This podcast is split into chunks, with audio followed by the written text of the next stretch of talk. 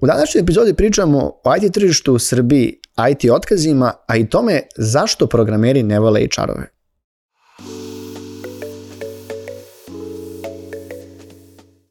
Dobar dan i dobrodošli u epizodu Netokracije Office Talksa, moje ime je Marko, a danas su nam tu u gostima uh, Iva Marinković i Jana Golobočani. Bravo. Yes, uspeo sam. Um, kažem, devojke, ako mogu tako da vas nazovem, ne znam da li je to sad ovaj, korektno. Apsolutno. Apsolutno jeste.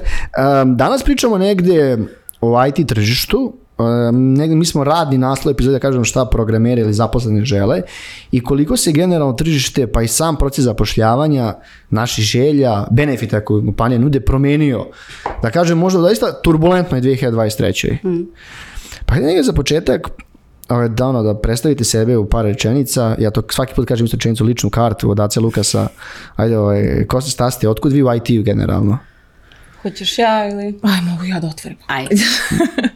ja sam nekako odrasla s programera, ono, uvijek su mi bili zanimljivi, imali su ono drugačije interesovanja i imala sam s kim da pričam o Star Warsu, kao usamljena tineđer. Zvanično sam u IT od 2018. Prvi dodir mi je bio sa startupom, uh -huh. a pošto sam pre toga bilo u marketinškim agencijama, to mi je bilo životno I ti si bilo u? Yes. Ja sam bio u EG-u isto. Yes. Ja sam bio 2016. U, ja sam bila pre toga. Aha. Sam bila 2013. 14. ja mislim, i 14. 15. Tako Dobro, nešto. malo, malo, Da. ranije, malo ranije. Malo pre tebe, da. Da, dobro, Ali sam je- radila da. sa Jankulom. Pa, Sa Jankulovskim. Tad su bili, da. Da, isto meni bio onaj account me, direktor, Miloš je bio menadžer, ovi Žiške, to, to su slični ljudi bili tih godina u EG-u. E, ja sam bila u kreativi sa strajom. Aha, može, da. Latifnas ekipa. I posle toga, posle svih tih silnih agencija, imala sam svoju agenciju. U jednom trenutku prelazak u startup mi je bio životno osveženje i to mi je bilo baš zanimljivo, ono, da vidim kako ti ljudi razmišljaju i da razbijem tu stigmu. Znaš, ono, Izvan da kutije, što Programeri kaže, da. nisu mitska bića, kao da ono, uh, pevaju, imaju bendove, druže se, imaju super neka interesovanja. Imaju To je vrlo često nacionalističke stavove, tako da, vrlo često programiraju nacionalističke stavove. Dešava se, da, Dešava se, da, da, da, ima da. i toga, ima i toga, ima dosta raznolikosti, ali mislim, malo kao nisu jednorozi, znaš, kao Da. nisu ono nedodirljiva neka bića, što tako čujem kao programeri, znaš, kao to je. Tako da imala sam neku pauzu između toga i small PDF u edukaciji, da kažem, mislim pauzu, više ono obilaznicu, ali dalje sam tu negde, edukacija mi je srodna prilično. Kad te pitaju na intervju, tražila sam sebe ti par meseci. E, ali našla sam se tu, mogu ti je reći, tako sam ono paralelno. ljudi se nikad ne ono, nađu. Tako je, Ljudi tako nikad je. nađu, da. Tako sad sam u small PDF-u, employer brandingu i lepo mi je, mogu ti reći. To je najbitnije. Ana, Pa evo, moja putanja je onako prilično uh, ravnija u principu. Ja sam neka stvarno našla u HR-u odmah, tako da neki početak mog putovanja u HR-u, a i generalno karijere Office je 2015. u okviru agencije za zapošljavanje. E, tu sam se bavila prevashodno zapošljavanje, da bih nakon tri godine krenula u internom HR-u u okviru proizvodne industrije. I onda sam negde 2020. godine donela odluku da se pridružim IT-u, to je bilo pa dva ili tri meseca pre početka pandemije, što je onako bio vrhunski tajming za tako nešto. Složit ćete pa, se. pa izgleda je bio. Ako gledamo Mm. ovaj, rast IT-a, izgleda je bio. I zapošljavanje, Videla sam da. onako u punom sjaju IT-a, mislim, Da. od 2020. do danas. Sad si, koja je zvanična funkcija, HR manager u Downu ili HR business partner. HR business partner? Da, imate li ti sad, sad te, ovaj, te biznis titule, u, ovaj, u, ali poslije ćemo o tome. E, ne, ne, ovaj, kad smo pričali šta bi mogli da radimo, e, mi smo, kažem, ajde, negde, Netokracija podcast je već tri godine, od 2020. u te kor, kor, korona vreme smo krenuli. I svake Kad godine... su svi sedeli kućama, nisu znali šta da rade. A mi smo, a mi smo kupili opremu tipa u, u ono 2019 i onda smo šest mjeseci stajalo ovako sve kačimo, kačimo i onda vas je ovaj a, gospodin, ne, naj, neimeno sad kad nas je zatvorio i kad je rekao ajte sad možete u kancelariji, mi se kao krećemo podcast. Dosta gosti, ni- ni- gosti, dosta neki gosti su se plašili da dođu, znači imali su maske. Tako... Imate neki podcaste sa maskom? Imamo dva ili tri. I Jel to mislim, bi baš trebalo vidjeti? da, mislim, s jedne strane, ne možeš baš, da kad on kaže, ja mogu znaš, maš, tad su nam stvarno bile mere na snazi, kao nosiš masku. Tebi verovatno, ajde kao, ovaj, nosili smo, čisto da kao iz, iz, iz toga što su gosti stvarno želeli da, da ovaj, nose maske. A zašto smo se negde, kažem, okupili danas da pričamo šta se to promenilo? I ako pogledate tu pandemiju od danas, koliko se stvari generalno sam ovdje stavio koliko se stvari u zapošljavanju promenilo i imalo smo diskusiju što sam mislio, ne mislim neke tehničke strane kako izgledaju, ne znam, intervju i to, ali ko, kako danas, e, naš, e, ako gledamo ponudu i tražnju, kakva je situacija danas? Pa ovo pogledaj tri godine. Mi, meni je ovo turbulentnija 23. nego na godina korone. A to je bilo kao gotovi smo. A pogledaš šta se desilo Da, u da, prethodne tri godine. Pa korona je samo podstakla, ja mislim, odnosno tokom i nakon pandemije mnogi biznisi koji e, imaju fokus na digitalizaciji su negde procvetali. Ja- Uključujući i nas. Uključujući i nas, tako je. I ja mislim da se tad zbog toga između ostalog desio i bum na tržištu sa otvorenim pozicijama. Imali smo stvarno onako ponudu i potražnju koje je bilo u jednom trenutku, ja mislim da je bilo trostruko više onako pozicija nego što ima kandidata za te pozicije. U to je baš dosta. Ne znam da i ti imaš sličan utisak. Jeste, da, mislim posebno, ajde, ja mogu pričam ispred svoje firme, nama je i proizvod eksplodirao tamo, jer svi ti ljudi koji su radili kod kuće, treba im je digitalni proizvod, ono radilo se sa PDF-ovima mnogo više i onda je negde bilo i logično da se proizvodi razvija, pa smo tada imali baš ozbiljnu ekspanziju za Da, vreme se- se- korone. Isto i kod nas. Da, ja mislim da, sjećam se negde, da, dobro, jedni drugi radite digitalne proizvode, tako da je to Tako. isto, isto ovaj plus. Sjećam da je Jobert i Hello World imali su preko, mislim da je Hello World imao trenutku 2000 otvorenih oglasa. Pa, Znaš, ono, a sad ih tipa možda ima 600. Sada se stabilizovalo dosta Da. u principu, ima manje otvorenih pozicija sigurno. A da li koristimo reč stabilizacija i kao tržište se nivelisalo ili o ipak osjetan pad? Pa ja mislim da još nije došlo do stabilizacije. No. Mislim da su sada da, poslodavci preoprezni. Mm. Mislim sa druge strane da u jednom trenutku se jako pumpao taj balon, da se zapošljavalo i preko potrebne mere, ono za svaki mali signal da je kao potrebno da se zatvori neki task ili nešto, tako aj neće mi maj zaposlimo još nekoga. Da, toliko su nam trebali programeri da kada dođemo do nekoga i, i ako imamo poziciju i ako je možda nemamo u tom trenutku, zapošljamo ga, kao naćemo Tako je. već nešto u principu. Tako, je došlo do overstuffinga isto. A sada i posle otkaza koji su se desili i posle svega, čini mi se da je pre došlo do tog nekog, prvo što poslodavci mnogo više pristupaju strateški zapošljavanju, mnogo više puta zapravo porazmisle pre nego što donesu odluku da li će nekoga zaposliti, da li je potrebno što otvarati poziciju, a drugo svi su malo i oprezni, mislim imamo sada situaciju hiring freeze u toliko kompanija, mislim da kao čeka se da se vidi šta će biti te magične 24. godine, pa... A mislim, čekalo se da se vidi šta će biti 23. Znaš kao, pa kad je krenulo to, mislim da su ti najveći lay-offovi bili u stvari, ako gledamo strano tržište, bili negde krajem prošle godine. Ti ako čak i gledaš onu krivo, znam da mislim da vi teh krančemo na layoffs, ti vidiš da smo negde do, od da je konstantnom padu. Znači negde od, ne znam, na svetskom nivou 100.000 otkaza u januaru, došli smo do 10 u prošlom mjesecu, što je ipak osjetan pad, ali to ne, ne mora da znači da rast otvorenih pozicija prati to. Da, da. Nego samo da je malo se stabilizovalo otpuštanje. E, ali ako gledate danas i sad i e, radite u svim kompanijama, šta, šta je ljudima bitno? Znaš, ima- uvijek imaš, e, bitna je plata, bitan je projekat, koliko sad ona stabilnost bitna? I kao, znaš, Pa bitna plata, uvek je bila i uvek će biti, mislim lagali bismo kad bismo sad rekli koja plata je na trećem mestu. Jeste, po globalnim istraživanjima koja plata nije na prvom mestu. Kod nas prosto živimo u takvoj državi i radimo na takvom tržištu, bitna je. Ali je trenutno, ako bismo poredili možda ono benefite i sve one e, dodatke koje imamo, e, stabilnost je najbitnija zapravo.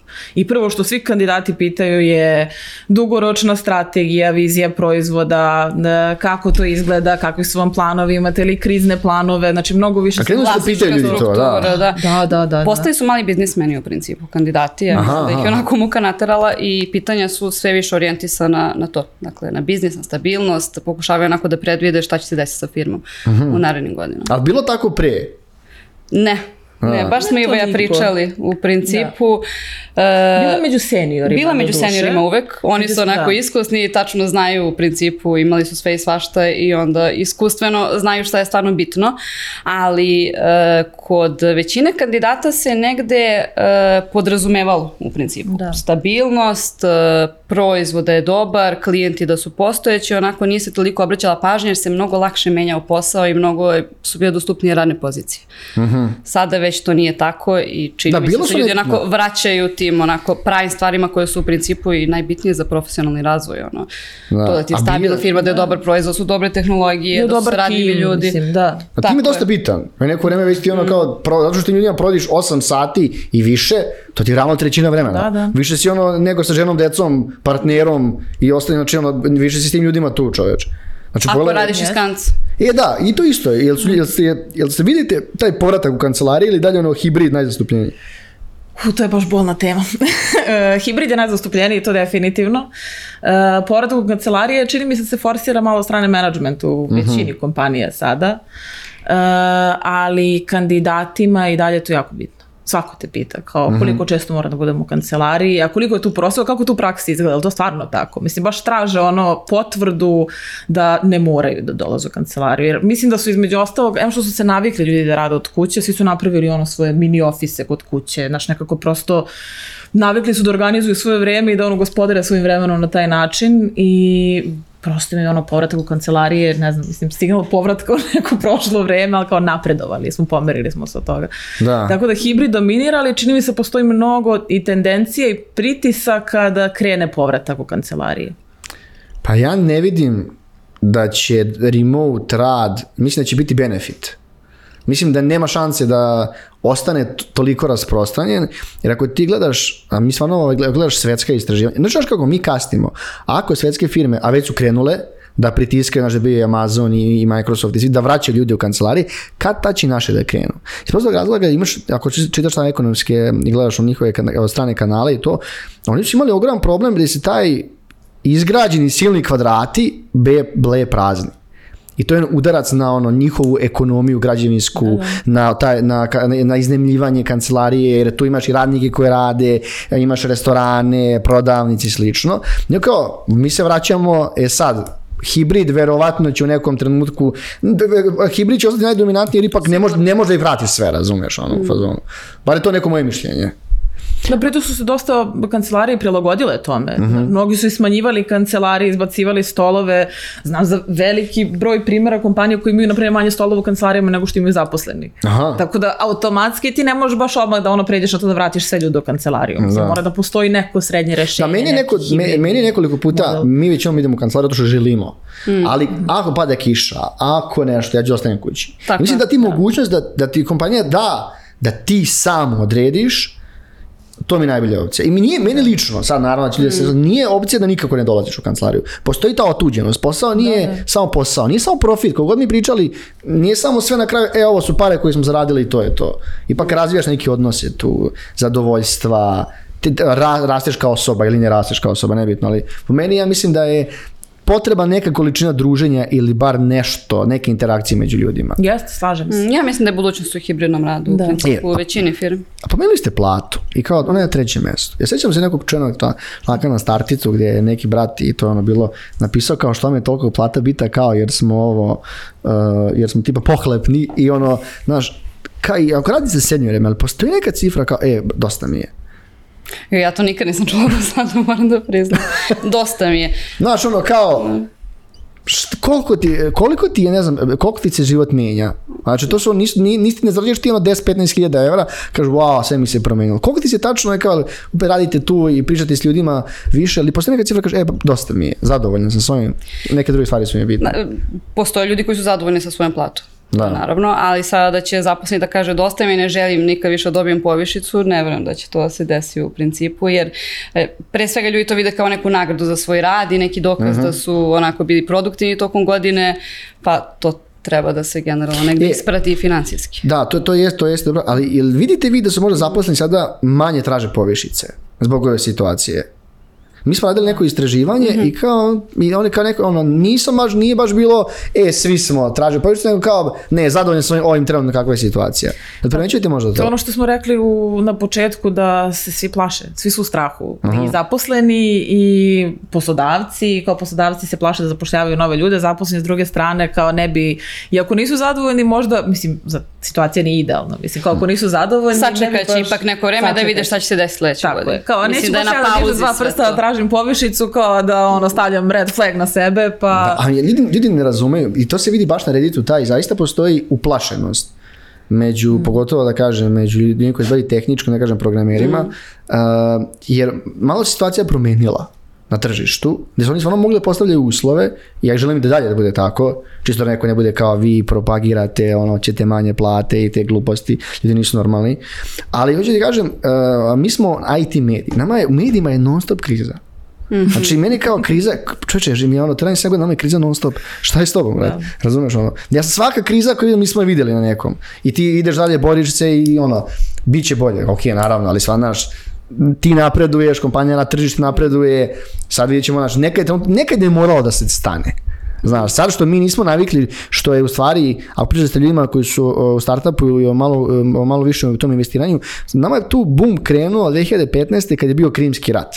Jer su mnogo kompanija prešlo ovde, kao ne, ono više nije stabilno okruženje tamo, hajde da prebacujemo mnogo ovde. Mi smo imali rast prošle godine, vjerojatno zbog ruskih kompanija. A gledamo rast IT-a, da, da. to je bio izvoz nerealan, ali naš koliko ruskih kompanija došla tu. Jeste imali prilike, jel, se- jel se javljaju Rusi na oglase za poslove naših domaćih kompanija? Da, više prošle godine ja bih rekla, ali... Pa mi nismo imali slučaj. Aha, ne? Mi nismo, ne, ali zato što smo mi većinski u nekom prethodnom periodu kada su bili najaktualniji ruski kandidati zapošljavali e, u Barceloni i Cirihu, tako da nismo imali baš iskustva. Ali... Mi smo imali. Imali smo onako dosta ruskih kandidata. E, onda sam pitanje, mada smo, mada smo negdje stavili ovdje, kakvim se problemima kompanije danas susreću ako pričamo o IT, je li vidite možda taj nedostatak kadrova ili opet strane pričali smo viša kadrova?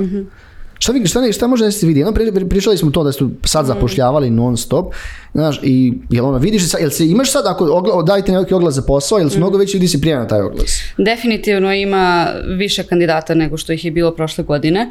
E, vidi se i to da ima manjak otvorenih pozicija, pa samim tim su i ti kandidati ovaj, apliciraju na ono što je slobodno. S tim što je onako jednako teško i dalje, rekla bih, naći seniornog kandidata. Kandidata koji poznaje određenu tehnologiju, koji je onako i tehnički, a i kulturološki fit.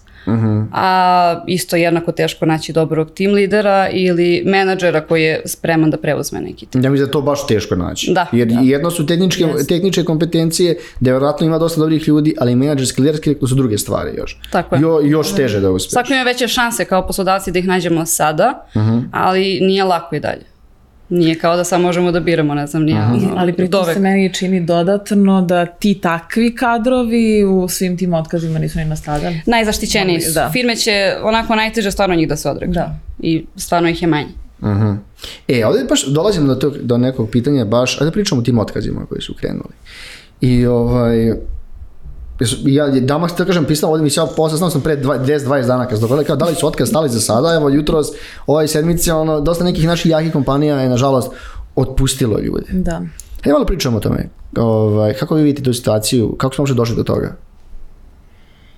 Hoćeš da... Pa, kako smo došli od toga?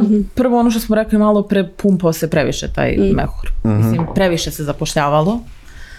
E, dovođeni su ljudi jer to ako vidiš dobrog kandidata, loviš ga na sve moguće načine, praviš kampanje, otprilike ono, igraš limbo dance, mislim samo da dođe da, da dođe da radi bilo šta. Znači, bukvalno bilo na tom nivou ko samo dođi kod nas pa smislit će već nešto, nešto, naći da. ćemo ti nešto da radiš. I onda je došlo do situacije do koje je došlo. Mislim, mnoge kompanije su i bile u krizi pa su zato i, e, možemo reći, sekli ljude, ali i delili otkaze. A sa druge strane, čini mi se da su mnogi u strahu, mnogi su i prepakovali negde zbog te stabilnosti i svega toga i strategiju i gde oni hoće zapravo da razvijaju proizvode, projekte, kako hoće da funkcionišu i pa su i tu ljudi nastradali, možda negde čak i ono ne zbog manjka novca, nego zbog prosto drugog strateškog pravca. Tako da je negde bilo i očekivano da, mislim, ružno reći, ali bilo je očekivano da dođe od toga, mislim, posebno prateći sve svetski trendovi, šta, sve što se dešava. Ono što je tužno je što mi uvek kasnimo za svima i što mm koliko god da su u svetu stali otkazi, mi dalje vidimo primere i to dosta primera u posljednje vreme. Što ti kažeš i nekih jačih kompanija koje su otpuštali Da. ljude, tako da mi se sve nadamo da staje. E sad, da li su ovo ono neki naknadni potresi ili se nastavlja, Vidjet ćemo. da vidimo. Da. Da, ono baš što sam malo pre rekla i zanima me šta vi mislite. E, generalno moj neki utisak je bio da su određene kompanije iskoristile tu atmosferu onako globalnih otkaza da revidiraju svoje kadrove i da detektuju te radne pozicije koje nisu donosile vrijednost koja je bila očekivana. Mhm, To je sigurno. Sigurno je tako, jer kad pogledaš, dosta ti kompanija imaju i dalje e, dosta dobro zarađuje. Imaju visoke profite, e, rade nove stvari. Tako Ali- je, izviješ što te prekidam, ali e, imali smo situaciju da su neke firme imale layoffove Aha. I posle dva meseca vidiš da ponovo objavljuju oglase za druge ili za iste pozicije koje su generalno otpustili, a nismo čuli da su dobili neke nove klijente, Da, prihode e, to je, tako to je, nešto. to, to je dosta tako to specifična dobije. situacija, da. Da, mislim da su, is- kao što si glas, su oni Mm. iskoristili priliku. Znaš, ono kao, ako ćemo da otpuštamo, sad ćemo da otpuštamo. A također firme koje imaju investitore, sigurno postoji pritisak. Sigurno. Sigurno, da, e, da. katu i ovo, katu, više se dešava, zašto mi ne bi bili jedini? Znaš, ono, kao, ajde, ono, da li nam je potrebno toliko ljudi? Da, a i sa druge strane, e, većina IT firmi i dalje outsource kod nas u Srbiji. To je moj Sigurno neki utisak. 75 do 80%. Da, i sad u trenucima bilo kakve krize, prvi troškovi koji idu su troškovi dobavljača u principu. A- Outsource je na kraju krajeva dobavljač. I mislim da je onako najveća kriza sigurno outsource. Da, to je sigurno. Zato što kad opet prodaju kompanije imaju bar vlasništvo na nekim svojim procesima. Ti kad si outsourcu, nažalost, ne vidiš to. Ne, ne, ono, ti si tu kao se dobavljač, momče kao ajde, još vrlo često na ugovoru koji ono, po- to je to, sutra Tako ne radimo zajedno i to je to. Ali uh, isto je po meni jedno bitno pitanje i baš smo pričali od toga, da li je možda moglo bolje da se to ishendla? I da se bolje iskomunicira i s druge strane, ti kad otpuštaš 20 ljudi pod nekim tehnološkim viškom, tu mora postoji procedura iza toga. Znaš, ti bukvalno moraš da obavestiš, ono, ne znam, državu. Sve i svašta, postoji bukvalno proces koji bi ti trebao da ispuniš a, ovaj, da bi se, e, stvarno, ovo, taj program otpušta tehnološkog viška i mislim, i, ok, ja uzet ću vas primjer mm. HR, ali dosta je bilo hejta na HR, kao vi ste tu da ono, pomognete vlasnicima da oni katuju te ljude u stvari. Što Da, da, HR tako. onako sprovodi ono što je dogovoreno, možda je da. juče informisan i radi najbolje što ima, uglavnom, Da. što može u tom trenutku s informacijama koje ima. Da, jeste Uglavnom, to. Ali HR HR je to lice koje ljudi vide. Znaš, HR je taj koji ti daje otkaz, HR je taj koji procesuira i onda zbog toga neko front lice kompanije i u dolasku i odlasku i Mhm. on je taj u principu koji onako pokupi najviše hejter, drugo lice ne vidiš. I ti kao, Yes. ti si tu ovaj, pričao o employer brandingu Mm. na našoj sceni, ne kažem, ne kažem poznata, ali tu si. Ovaj, e, A ne možeš da kažeš pa poznat. ne, pa znaš, mo- a, Poznato je da, da. A, ovaj, ja, ne, da, da ne hvalimo. E, sad, kako, šta bi s kompanijom mogla bolje da uradi? Je li to komunikacija s polja ili komunikacija prema zaposlenim? Mislim, to zaista š- delikatna pitanja. Da, dosta toga je moglo da bude bolje. S druge strane, mislim, ne postoji lep način da ti nekom daš otkaz. Mislim, postoji manje loš način da nekom daš otkaz. E, to je jako važno napravimo razliku između eksternog i internog. Eksterno, čini mi se da postoji procenat možda 2% kompanija koje su to uradile kako treba, koje su izašle javno i rekle uradile su to, koji su ostali konzistentni svemu onome što su komunicirali i pre toga. Ali ono što je možda dosta važniji deo je kako je to interno iskomunicirano. I s jedne strane kako je iskomunicirano ljudima koji su dobili otkaze, jer na kraju dana svi ti ljudi su ono zaposleni s nekim iskustvom, nešto im je obećano, imali su neka očekivanja, neke planove. Tako da s jedne strane jako bitno kako je njima to iskomunicirano, šta im je ponuđeno, da, ponuđeno, da li je to bilo neke, nekog paketa podrške, šta god da je u pitanju. Znači prvo je to najbitnije, kako će ti ljudi da se osjećaju, kako će oni da se podrže posle tog procesa, jer mislim i knjiški otkaz ne mora bude poslednji korak u putu jednog zaposlenog u kompaniji. Možda Mislim, predposlednja koraka. ovaj. pa mislim da što imaš i ono, alumni grupe i čula sam za mnogo slučajeva ono rehiringa posle, mislim, tih ljudi. E, da, da li bi se vratili? Ja se ne bi vratio sigurno. Ne, to je to. Drago mi je. Mislim, mnogo zavisi od načina. Verovatno, da. Mislim, baš mnogo zavisi od načina i zavisi u šta se vraćaš, mislim, i koji je tim i, mislim, znaš, ja, zato je jako važno kako se to iskomunicira, da zaposleni da, zna odakle je došla ta odluka, da zna komu komunicira, e, da ono prosto postoji neko ono uzajemni odnos gde ti nisi isključen preko noći i kao saznu ujutro više ne možeš se uloguješ, nego da zapravo A dešavalo se. a dešavalo se. Pričamo o da, našem da, da. tržištu ili stranom tržištu? Pa Pošto, dešavalo da, se to, i pošto je baš bilo frka, ono, sećaš se kad je, ne znam, Twitter puštao, to je bio, Da, da, da, ne da, kažem da, Google šičo, čak je imao taj... pa ono nema dalje, razumiješ? Da, da. da. Da, to je baš tužno, mislim. Ja znam za neke naše domaće smislu. kompanije, velike, Takođe. da ih sad ne imenujem, da je bilo ono, e, bukvalno mi je pričao ovaj, e, prijatelj, njegova supruga, znači moj prijatelj da kažem, tako da nije ono čuo sam od šestog lica, gdje je bilo, e kao, uveče se pojavi ponovo na placeholder na Google kao, ajde pričamo nešto sutra na 15 minuta. I to je to. Znači, to su neke domaće kompanije koje su strane kompanije koje imaju predstavništvo ovde i kao, ovaj, kao, wow, to, meni, čudno to, meni je to bilo čudno jer mi realno ne radimo tako te stvari. I mislim da je glavni problem u komunikaciji, nažalost, otkazi su normalna stvar. E sad, ako ti lažu na istraživanje, to je jedan težih udaraca za čoveka, imaš, ne znam, otkaz, gubitak nekog, ne može da ti baš bude svejedno, kako god, znaš, Kako neko se to bolje nosi s tim, neko lošije, ali mislim da je ta e, netransparentnost baš povredila ljude. Čitajući komentare, forume, Reddit, sajtove, gdje su Znaš, o njima je ono, ljudi, ima ljudi oči ima da su iznevereni, ja kažem, a, kažem, kažem a, da su ih lagali, ali kao, e, idemo super, idemo team buildinge, zapošlj, znaš, ono, zapošljavamo, režemo pare za jednu stran kao, posle mjesec dana, e, žao Da, mi ti je. imaš i u zakonu Da, da. taj, uh, ni to član, ali taj Mhm. pojam koji se kaže dovođenje nekog u zabludu.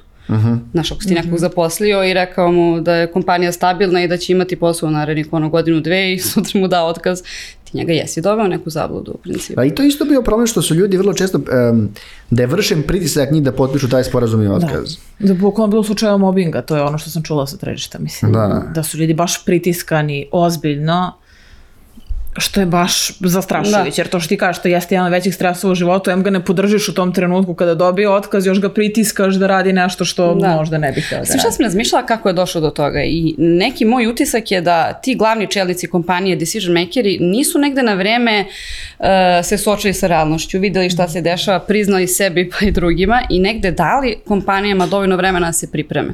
Meni delo je kao da nisu imali vremena u principu. Firme da se pripreme, da nisu imali tih dva, tri meseca koliko je dovoljno da se nekome komunicira tako nešto, da mu se da vremena nađe novi posao, da se organizuje kvalitetan outplacement i nova za otpremninu i ostalo. Tako A ja mislim, da, dosta ljudi ne znaju svoje radna prava.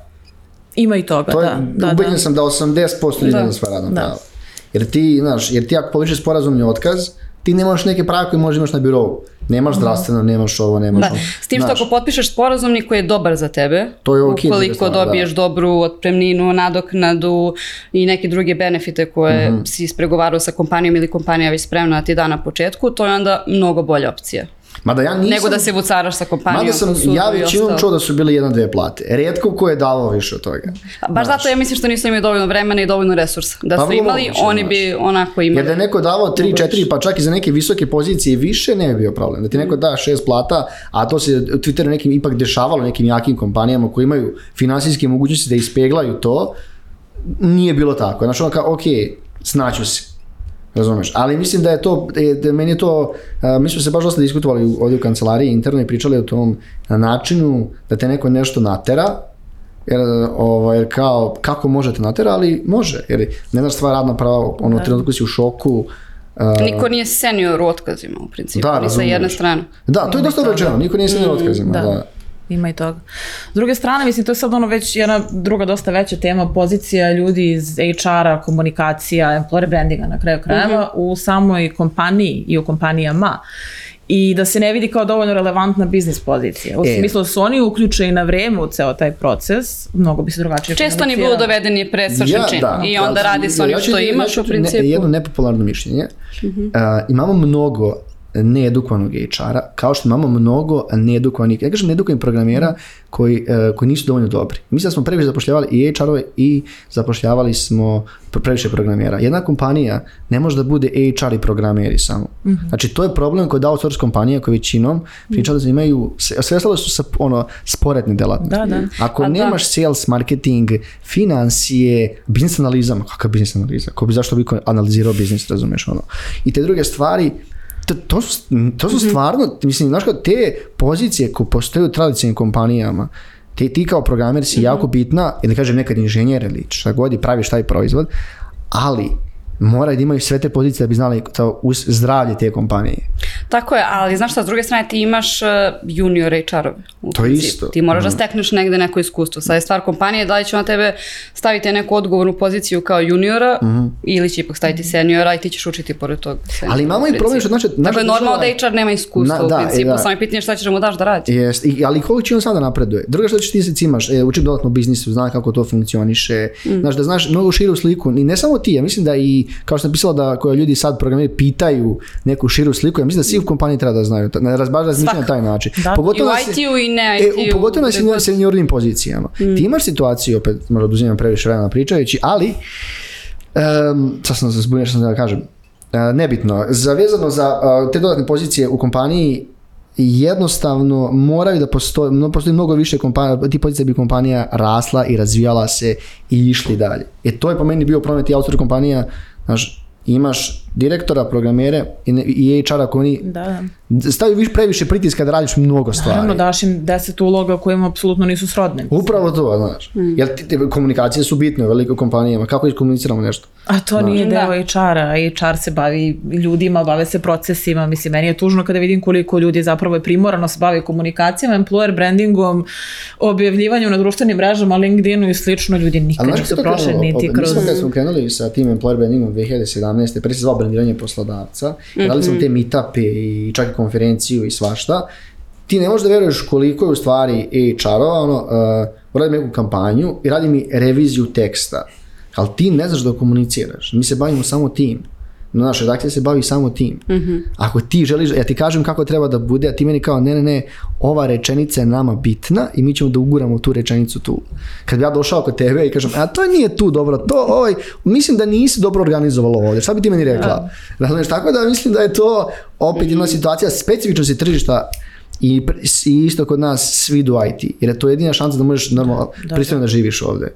Ti znaš ono, Definitivno industrija koja je pa da, ali to je opet, e, bolje pozicionirana od To je opet problem tržišta i naše generalne ekonomije, znaš, ono, zašto bi se oni trudili da neko, ne znam, neka druga zanimanja mogu lepo da žive. E, znaš, Nešto sam zaboravila e, da spomenem e, što se tiče transparentnosti i otkaza.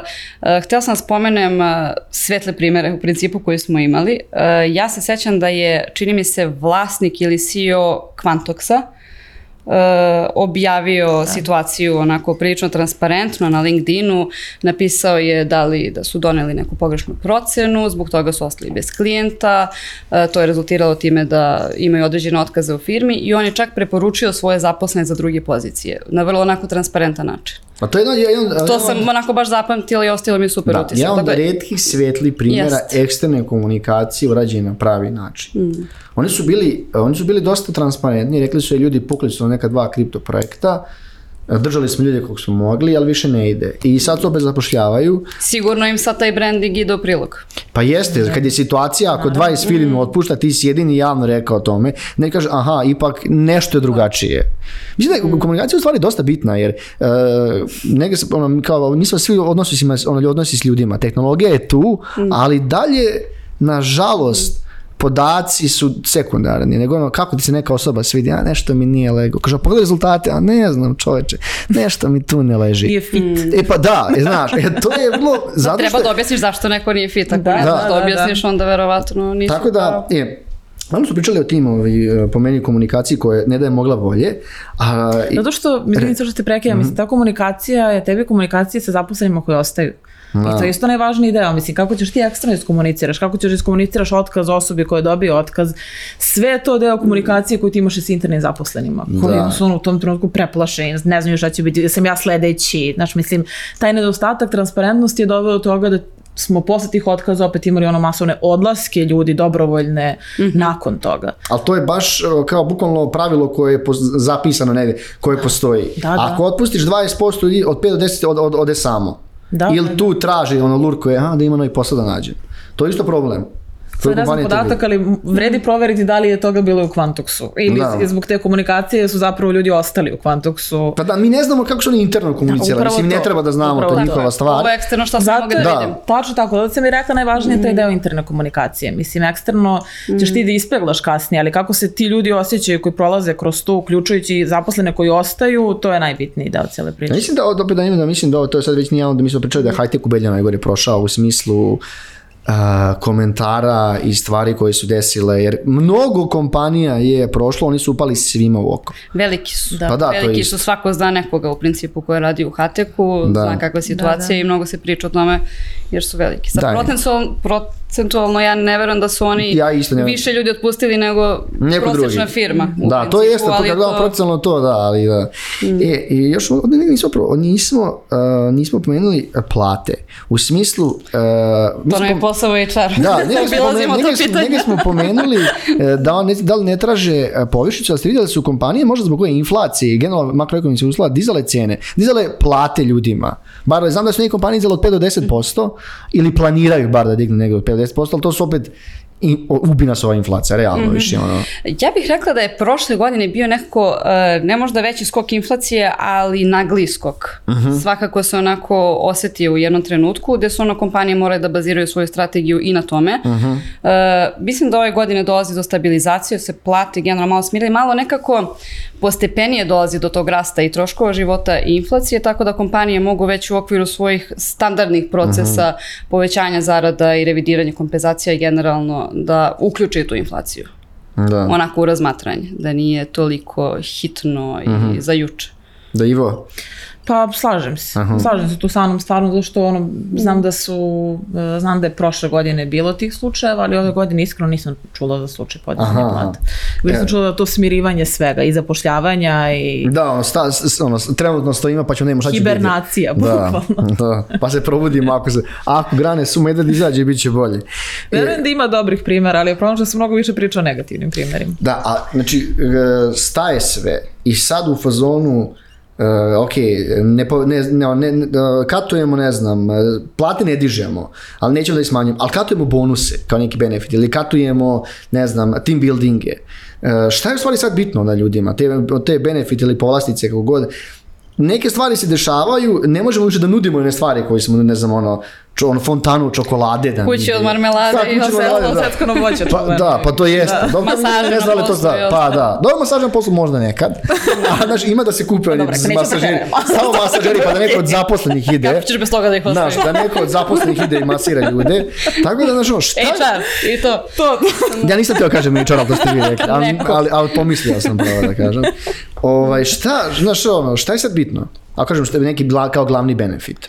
Pa ja mislim da se desilo to neko otrežnjenje definitivno, da su nekako ljudi onako shvatili šta je stvarno bitno za posao i za neki profesionalni razvoj, sve je stvarno manji fokus na tim nekim benefitima koji su onako u suštini nebitni za nečiji profesionalni razvoj.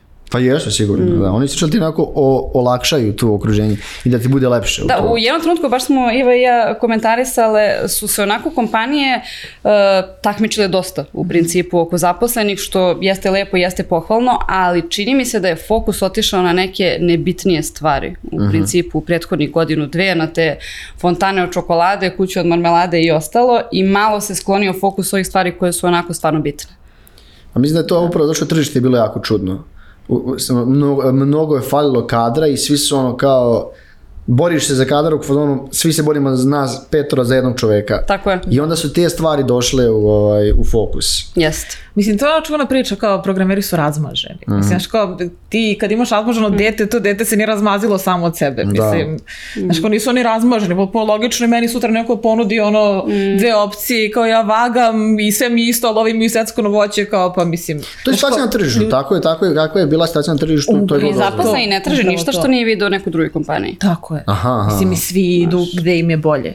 Ali na kraju dana, mislim da su i u tim situacijama, mislim, budimo realni, to su odrasli ljudi, zreli, normalni, ono sa jasnom vizijom šta žele od života. Nije im to stvarno toliko se- bitno u Da, principu. odlučivali su se za firme gde ono, vide dobar projekat, gde vide dobar tim, gde su dobro kliknuli sa ono timom na intervju, na upoznavanju, na mislim da je uvek to bilo presudno. Ako pričamo o nekim mediorima, seniorima, tako kažemo. A, jedno pitanje za vas je čar. Koliko je team building bitan? Šalim se.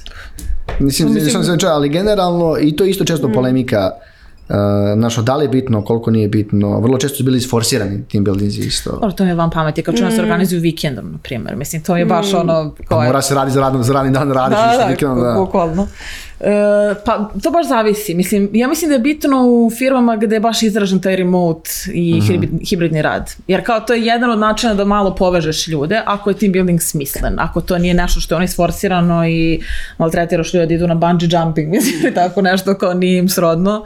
U tom smislu je bitno, ako ima smisla zapravo i ako dolazi od neke potrebe da se ljudi povežu, da, ali ako si ti dobio direkciju od odluka koja da organizujete building zato što ga svi organizuju, potpuno je Da, za samog zaposlenog ja bih rekla da je to onako u kategoriju nice to have stvar. Da, jesu. Nije toliko neko Da, da, presudno. nikad se nije značaja. desilo da nas kandidat pita kao je li imate team buildinge, mislim, to je više ono bio predmet zezanja nego... Jel imaš neko najluđe pitanje što si zapamtila što su vam tražili? Ne, nevjerojatno, ok, nešto sigurno je ostalo negde. A ja sam baš razmišljala o tome kako generalno mi HR-ovi smo carevi. Ali u principu e, toliko smo profesionalni i toliko onako ne prijamo stvari k srcu da mi stvarno zaboravljamo te stvari. Mhm. Znači ja ako imam e, neku specifičnu situaciju, podijelit ću je možda sa najbližim kolegom, e, ne znam, sa momkom, drugaricom, možda i zaboravit ću sutra da je to postojalo u principu. Znači, uopšte ne pamtim toliko te neke Pa to ekstra. stvari i mislim da većina kolega u principu razmišlja Jeste, na taj da, da. način. Da negde onako gledaju Mhm. samo da proces bude efikasan, da oni završe intervju, ta osoba mu nije fit, verovatno i to je to, ali neće sad davati ne znam nija koliko značaja tome. Neće pisati po LinkedInu šta se desilo, šta je uradio kandidat, šta je rekao. Neće davati oni sad nikakav on negativan review ili pratiti dalje to kandidata onako u želji da mu nešto loše. De, e, još jedno pitanje o, o, ovaj, koje mi palo na pamet sad, nisam ga stavio ovdje jer u... e, Da nas iznenađuješ, imamo da, kremu. da, ne, super ste. Ne.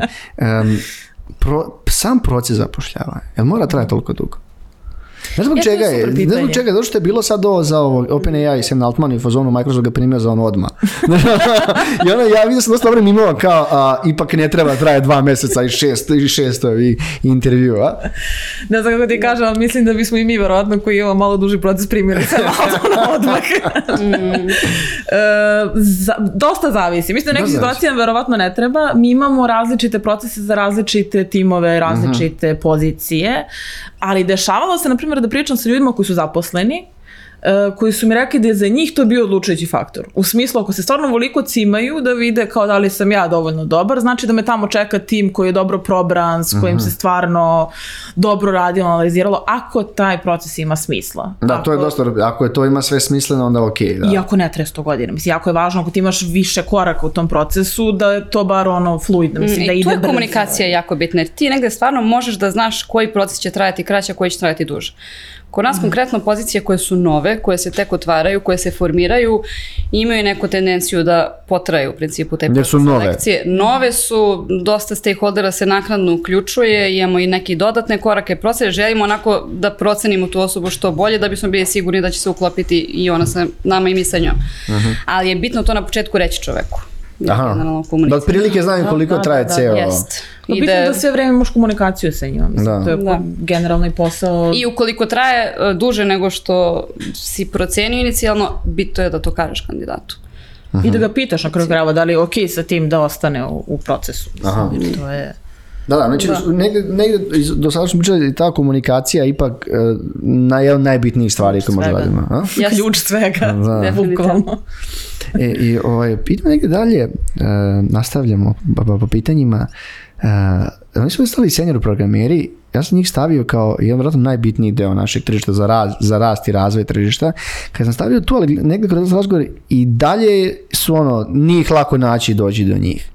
Ništa se tu puno nije promijenilo ako pričamo o odnosu kompanija prema senior programerima. Nije definitivno, kao što je Iva već rekla, e, kompanije se najteže odriču tih profila. U principu, e, teško ih je naći i teško je onako ti sanješ već neku izgrađenu osobu, senior, da je tehnički fit i da će kulturološki sa tobom u principu da se poklopi. I da hoće da promeni posao. Ljudi se onako teže odlučuju za promenu posla trenutno. E, to je moje isto naredno pitanje. E, ja mislim da je negdje prosječna fluktuacija ljudi u IT-u bilo oko dve godine. To je neki prosek. Znači imamo neko ko ostaje duže, neko ko ode kraće. Jesi, jel vidite, jel vidite možda u vašim kompanijama, jel to negdje stvarno neki prosek ili ljudi ipak... Sad, gledajući prethodne dve godine, malo je nezahvalno Aha. izvučiti tu prosjek, jer su ono, bile situacije krize i Mhm. interno i eksterno. Znači onda ne možeš baš da izvučeš jasno kakva je fluktuacija jer ljudi idu iz različitih razloga. Znači Mhm. nekada neko ode zato što se prosto osjeća nezadovoljno, neko ima bolju ponudu. Tako da znam za ono do recimo sredine prošle godine, to je bila, to je bio Mhm. neki prosek, ali od sredine prošle godine kako je krenulo se klima i globalno tržište, to se, to se dosta smanjilo. Ali definitivno je prošle godine bila veća fluktuacija. Prošle, pretprošle u odnosu na ovu. Sada ljudi teže odlaze. Znate se ono pričalo ono, o tom quiet quittingu, tamo negdje smo izašli iz korone i da je dosta ljudi ono dalo otkaz ili tražilo on drugi posao. Negdje je to, e, ja mislim da je tad, tad 21. posle korone, baš bila jaka godina, dosta ljudi na svim kompanijama. Turbulentna, jeste i kod nas konkretno, stvarno, da. I da je dosta ljudi ovaj, u fazonu, e, znaš, ono, situacija na tržištu je bila dobra, Mm. mislim da su, ljudi su ono izvukli par iz slamarice, su ono kao, aha, korona je možda, ko zna šta će, možda će biti, Imali da li će biti, zaleđinu, mogli da, su da da li će sveta, da, da. li će sveta biti sutra, Mm. Mnogo- i o, e, još, je- još je ovaj kripto bio ta tu, pa su i mnogo ljudi otišli i tom pravcu, mislim dosta da je baš fluktuacija bila tad jaka. I da je mnogo, i da ono, da se sad, po meni je, a kad pogledaš, sećam, bar ja, kad si došla korona, si se negdje malo uplašili bili, ali je sad sto puta gore. Kakva je situacija na Da, tržištu da, da, bila, da. znaš.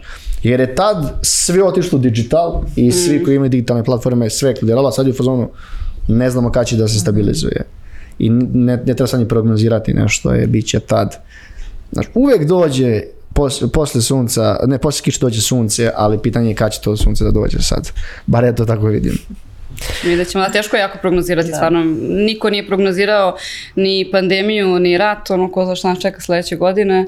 Ali ne znam, ako situacija ostane Mhm. uh, kakva je sada, desit će se stabilizacija u E, a može da prognoziramo, pa ako ubodete da ono citiramo. I rekli ste u podcastu da će tada bude. Može. E, imamo još par pitanja. E, meni još jedno bitno pitanje, pošto volim da pričamo generalno o svemu i svačemu, to jeste bila poenta epizode.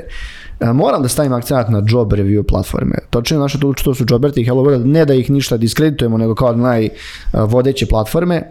E, I za poslove, i za oglase, imali ste prilike da komunicirate s njima koliko su stvari ljudi stvarno post- postavljaju iskreno ove eh, reviewove kompanija i koliko ima to ono tek i koliko tu i koliko kompanije e, ako znaš ono da li da li kompanije da li postavljaju dobre komentare ili samo loše?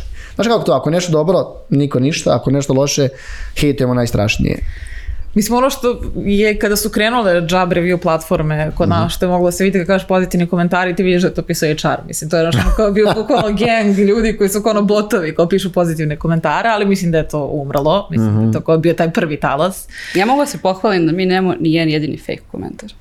Nijemo Tako da- jedan. I to je bio baš specifičan zato što, nažalost, smo imali samo jednu žensku inženjerku u A ti timu. misliš fake u negativnom smislu? Fake, da, da, ali pisan je, pisan je u ženskom rodu, negativan je komentar, čim je objavljen, posle 10 minuta me zvala devojka da me, kao, ja stvarno ovo nisam ja, majke, mi, mislim, ako nikad to ne bi napisala. Neko je namestio. Da, bukvalno neko namestio. Mislim, to je bilo baš čudno i ko uopšte dan danas nisu uspeli shvatiti ko, ko je, mislim, niti uopšte ulaziš u to ko, ko je šta pisao. Uglavnom su komentari od kandidata. Nisu toliko često od zaposleni koliko su od kandidata.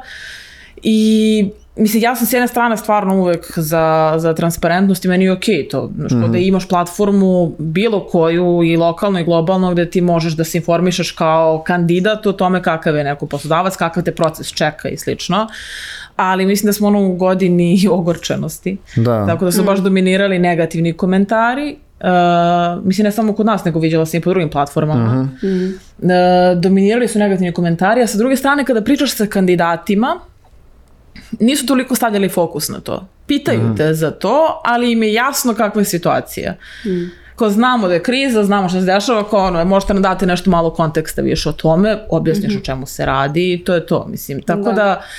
S jedne strane e, je super imati takav prostor, s druge strane to je ono, nije baš prijateljska platforma. Da, da, maš sa dve oštrice u principu, Da. ali ja bih rekla da e, dokle god imamo pozitivne komentare u principu i manje negativnih, to je dobro. I ljudi obraćaju pažnju stvarno šta tamo stvarno piše. Ti tačno vidiš e, kada je neko e, opisao, na primjer, neki proces selekcije kako, kako jeste i dao svoje onako neka realna mišljenja, a kad je komentar onako maliciozan i napisan čisto da bi se onako Da. ovaj, neko opljuvao, ali da, samo da ima više u principu koliko, pošto, pozitivnih. da, vi kao, kažem ti, partneri, ljudi koji mo- možete da radite sa, para, sa tim platformama, uh, koliko su stvari ti oglasi, ti vi ste gledali fake, koliko oni ulažu u tu, kažem, verifikaciju ti stvarno ljudi koji daju, koji daju, na, na, naš, napišu taj oglas, stvarno je radio tu, stvarno je prošao taj proces selekcije. Tokom prošle godine Joberti je, mislim, uveo verifikaciju, što je super. E, Verifikaciju putem maila, ukoliko si ti. Da, ako se ne zaposlen i sa mailom koji ima domen kompanije prijavljen tamo i ostavio komentar, onda piše da je taj komentar verifikovan i da je to zaposleni pravi. Da, ali ja ako sam dao otkaz, dobio otkaz i Ili pišem ako svoj si privat- kandidat. Da, to isto, znaš, da. Tako je. To, to, to, je, to je baš maš dve oštice i nije lako hendlati te, te komentare. S jedne strane, naravno, uh, takve platforme treba da postoje, jer povećavaju transparentnosti. Svakako. S dru- druge strane, i po, uvek, naravno postoji, mora kažeš, a postoji možda bojazna, kogod se ti trudio, ne mogu svi komentari da budu da budu stvarno realni od strane, znači ono, verifikovani od strane korisnika. Naravno, i mislim to niko ni ne očekuje na kraju krajeva. Mislim. Tako je, s druge strane ima stvarno komentara koji su na mestu. U principu, a njih treba staviti fokus i poboljšati se. Upravo to, da, i te platforme, Mm. to je super poenta, zapravo te platforme treba koristiti interno kao dobar signal to što zapravo ne valja i što može se napredi. To misliš na ocene koje su tipa 3, 4, Tako je, da. kao između mislim, keca i vidiš, ono, petice. neke onako. relevantne stvari, ko čekao sam, ne znam, toliko i toliko dana na odgovor ili, znaš, ako onda adresiraš, posebno ako vidiš ako je imenovo poziciju ili tako nešto, možeš da ispraviš neke stvari interno. Mislim, nekad su ljudi stvarno u pravu. I možeš lepo da odgovoriš kao kompanija i to govori o tebi. Da. Da. Da. To je isto bitno, ako ćutiš, to ti još gore, nažalost. Takva je danas situacija. Dobro, na neke komentare stvarno ne možeš da kažeš. Pa naravno. U principu ćutiš jer ono, nisu, nisu relevantni. Pa i ako Ne su, daješ im pažnju, u principu. pa i ako su jednostavno komentari nisu na mestu napišeni kako treba. ovaj, Nekako stu- ulaziš u raspravu i... Pa to. Da. Pa, na, e, a to je uvijek problem kad je, ne, Jest. ono, mislim, ne kažem ogorčena devojka, ali nažalost postoji taj izraz, kogod bio ružan, ali stvarno nekad ne razmišljaš, ako ti se nešto desi, pogotovo otkaz koji je velika stvar, ne, u tom trenutku si uzrujan. Ne razmišljaš, plus ako je urađen na ovakav način kakav je, kojeg smo viđali, čuli, to je baš problem. Da, da. A šta mislite o tim kom- I ok je adresirati, znaš, mislim, Mhm. ako si prošao kroz takav otkaz, da te neko primoravao da potpišeš nešto, Da. ti nećeš, naravno treba da napišeš taj Ja- komentar. Ne treba kriti svakako. Da, mi smo pričali malo pre da li bi se vratili, ne bi vratila i jako je teško da reputacija te kompanije mora da bude poljuljana. Ako dopusti takve stvari, je sad, problem je što se ovdje sve kratko pamti. Znači, to je vrlo, čest problem. To je neko rekao, Srbija ima pamćenje akvarijumske ribice. Pa to je tačno jedan kroz jedan, ne pričamo Yes. samo o nego o svemu, drugim Yes. stvarima.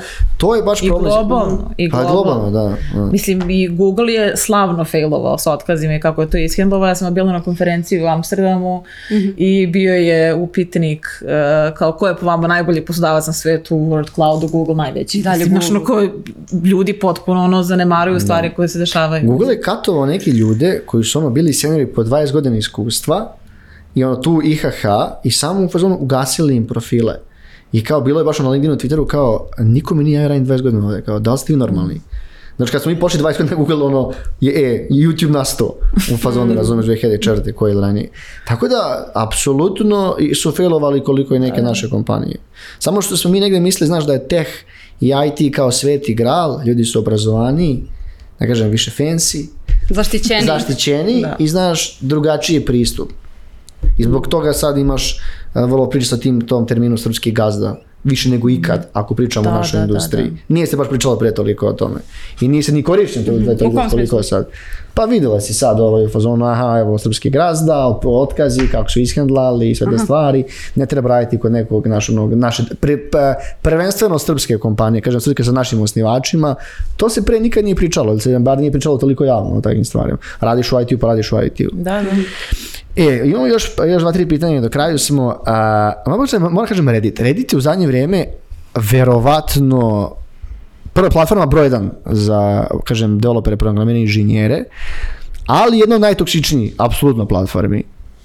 Kako sa strane kompanija, brendova, uopšte gledate na to, pristupate tome, čitate ili šta god, jer ti, kom, to je ono, svašta.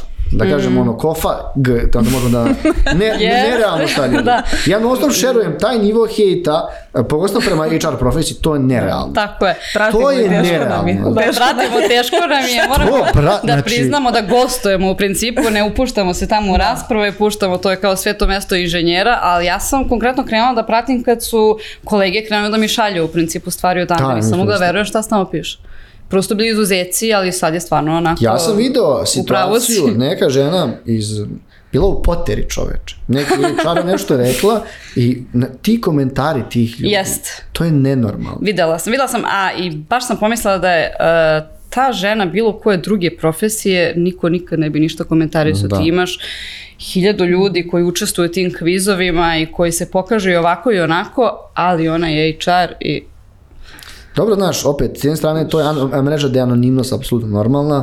E, kad je nešto anonimno, vrlo često Mm. ode u nekom i drugom pravcu. Ti kad si potpisanim pređom, opet paziš šta ćeš da kažeš, zbog nekih, znaš kako to ide. Ali ja kao Mm. e, neka kompanija zbog te stvari ne mogu da vidim to kao kanal gdje ja mogu da se izražavam prema nekom. Da, zato i kažem pratimo. Mislim, Pa i dalje da. ne Da. postoji ono prigodan format da se ti uključiš u neku diskusiju, Ne pritom postoji. stvarno imaš osjećaj kad ulaziš ono u kave sa lavovima, znaš, koji će te rastrgnu ako se uključiš u diskusiju. Da, i nekako to je mesto inženjera, znaš. Ne Da, želimo sad to je ulazimo još i tu sa našim mesto. oglasima i sa našim Samo komentarima. Da, ono, jedino mesto gde su kao zaštićeni ono, od HR-ova. To. Da, jeste to, ali, to, ali, ti komentari nevezano, to su zaista, Mm. nisu na mestu i zato ja, ja, ja, zato ja ne vidim da je, da po nama IT, digital, neke plemenite profesije i kao da smo mi nešto, to vrlo često vladalo to, znaš, i to mišljenje, to kao mi smo, Da. radimo nešto cool, ali kad pogledaš, isti smo kao i svi, ono, kaže, isti kao svi drugi Da. ljudi, kao To normalni ono svet. sam rekla, mislim, Da. su jedno Ja- zimicka bića. Je, bukvalno to, i onda po tim komentara ne, bukvalno isto. sve Da, isto. Da, ali da. stvar je u tome što uh, ja sam sigurna da je to manjina.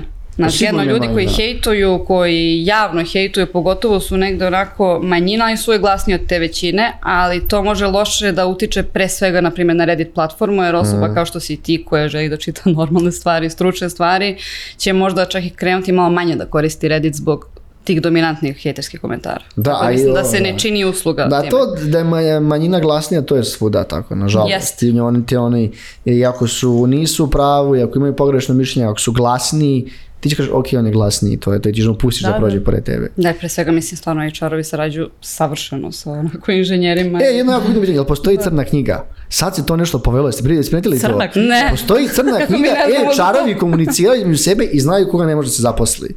Jesi ispratili te komentare?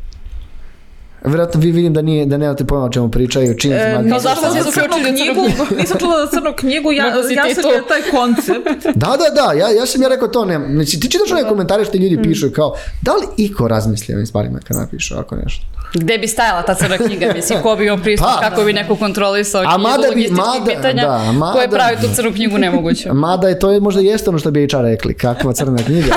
Ne znam čemu pričaš. Kao čekaj da zatvorimo.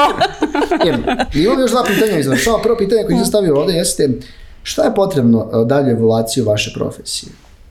Pričamo, koliko pričamo o edukaciji, šta je potrebno da ono, e, idemo dalji korak razvoja HR profesije?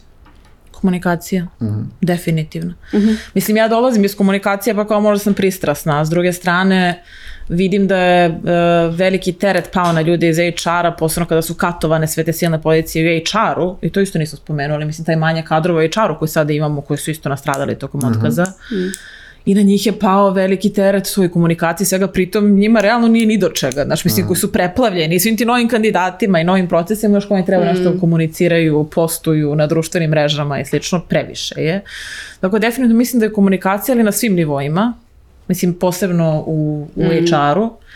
S druge strane, mislim da je jako važno, s nešto ono, kao ja i dalje tražim strategiju kako doći do toga, važno je da se to pozicionira kao malo zbiljnija biznis funkcija, da se na vrijeme uključuju u procese, da se na vrijeme uključuje ono donošenje odluka koje su važne za ljude, jer to će ono doprineti boljoj komunikaciji svih tih odluka kasnije i boljem razumevanju ljudi kako je došlo do toga.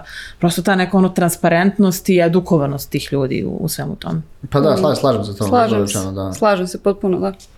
E, Henrik, za kraj, mislim, mislim, ja sam pričali, šta možemo da očekujemo u narednoj godini? Ne možda, šta vi važno da očekujete iz vašeg ličnog razvoja za narednu godinu, a i za vaše kompanije? Pa neku stabilizaciju definitivno, ono, želimo U- da očekujemo. da, u nekom principu. obliku sigurno, U nekom da. obliku da. E, proširenje HR funkcije u principu, možda zapošljavanje kolega koji će biti specijalizovani za određene oblasti. Mhm. E, I to je to. onako. Da imam još jedno pitanje u stvari. Evo, Prvo pamet, nisu pomenuli IT konferencije koje su bili veliki deo tržišta i zajednice. Dosta se nije nikad vratilo posle korone. Ali baš dosta. Posle korone... Da imamo moći posle korone, je dosta konferencija ne može se bavimo više samo tim, jer je bila, event je bio baš najduže udaren. I, Jest. i da, I nisu se, nema baš da su se vratili, no, ništa, nisu se vratili sve konferencije, negdje se vraćaju. Ja to kažem, startimo neko istraživanje. Oni su neki projekat, bilo je oko skoro a, 2019. 2000, ne, 1000 i nešto događaja, a prošle godine je bilo 300 Mhm. Pričaš o lokalu. o lokalu, da, Da. pričamo o lokalu. Znači, to je ogroman, ogroman minus i onda će se naši ljudi su družili sa tim događajima, slušali nešto. Jel možda očekujemo da se možda to stabilizuje? Ili to isto prati isto ne, ono, neizvesno i to dalje, zbog budžeta i ostale stvari? Pa i to je bilo isto dosta udareno u smislu što, mislim, vidjeli smo neke konferencije i u digitalu i koje su pretrpele udarce zbog nedostatka sponzorstva. Mislim, jer su opet kompanije katovale budžete. A sa druge strane, verujem da će i biti, jer to je ono što smo pričali, mi kasnimo dosta za globalnim tržištem, na globalnom tržištu se to vraća u normalu. Mislim, vraćaju se te neke konferencije koje su ono preskakane i slično. Ljudi žele da idu na konferencije Tako je. definitivno i žele live druženje, tako da... Mi- ja- Mi smo baš zbog tog nedostatka imali interno dosta inicijativa ljudi koji su išli na, na Web Summit, na We Are Developers. Mi, mi we are developers, Vizer, ono, 360 ljudi, svi ti IT-evci. Ono, sve kompanije koje znam, mm. čeo, otkud ti, cijel avion bio tu, on čak interne fore, znaš, pošto smo čekali 6 sati da poleti, jer je kasnije 6 sati let usred jula, naravno. Nemoguće. Da, da. Samo Ne- šest. da. Tako da vidiš kao da su ljudi željni, ti, željni tih stvari. Da, da, da, da. Um, Ana Ivo, hvala vam što ste bili danas ovaj, moji gosti, zaista uživao u epizodi. Hvala i svima što ste bili i slušali epizodu do kraja. Netokracija Office Talks možete pratiti u YouTube u video formatu, a audio možete nas slušati na Spotify, Deezer, Apple podcastu i svim drugim većim streaming platformama. Hvala još jednom. Hvala Mara što si nas pozvao i vidimo se opet Hvala nadam se. puno. Ćao!